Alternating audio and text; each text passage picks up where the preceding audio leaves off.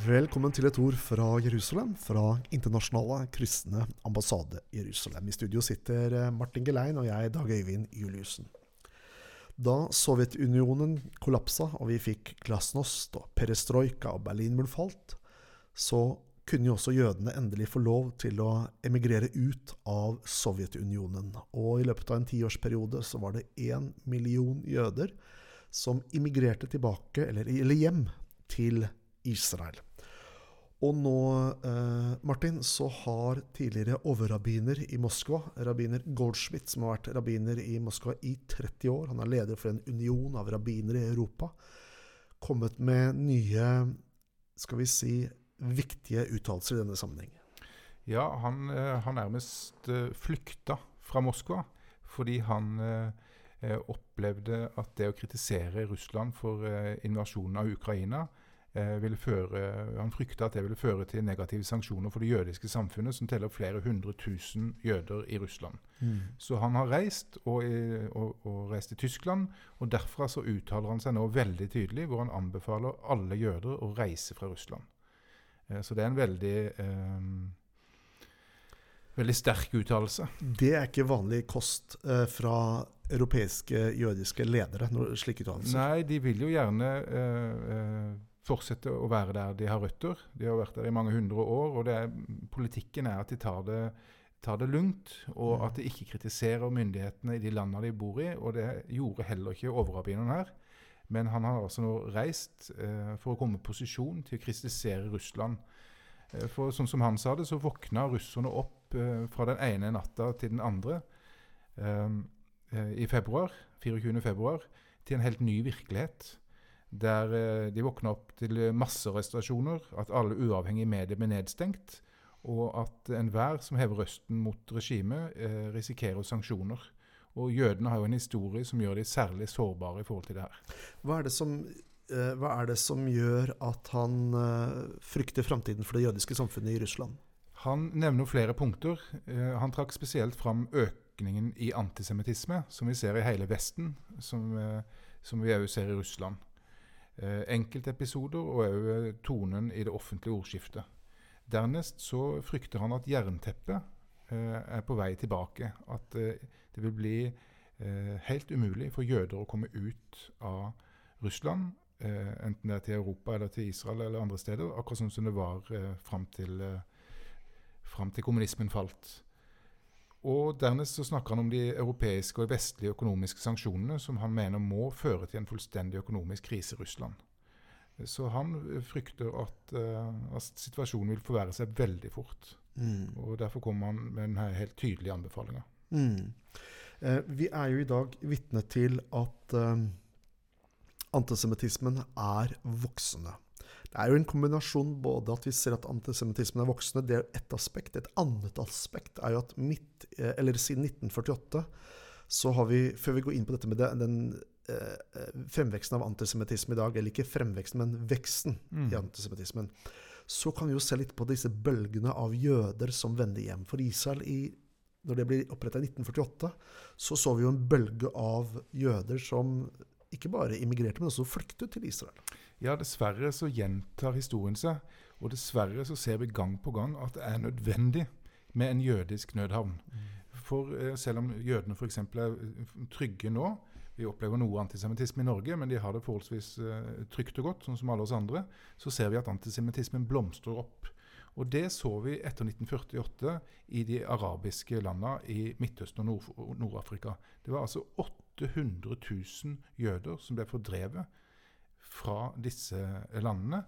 Og de fleste flykta til Israel. Her er det snakk om etnisk rensning, og det er forferdelig historie som alle de her eh, jødene opplevde. Og faktisk så er det sånn at majoriteten av jødene i Israel i dag er etterkommere ikke av jøder som overlevde nazismen eller flykta fra kommunismen, men de er etterkommere av jøder som aldri forlot Midtøsten, men som ble fordrevet fra de arabiske landene og Iran etter 1948. Kan du bare kort kommentere, for Man snakker jo veldig ofte om de palestinske flyktningene. Eh, det er ulike tall der, men mange opererer med rundt 700 000.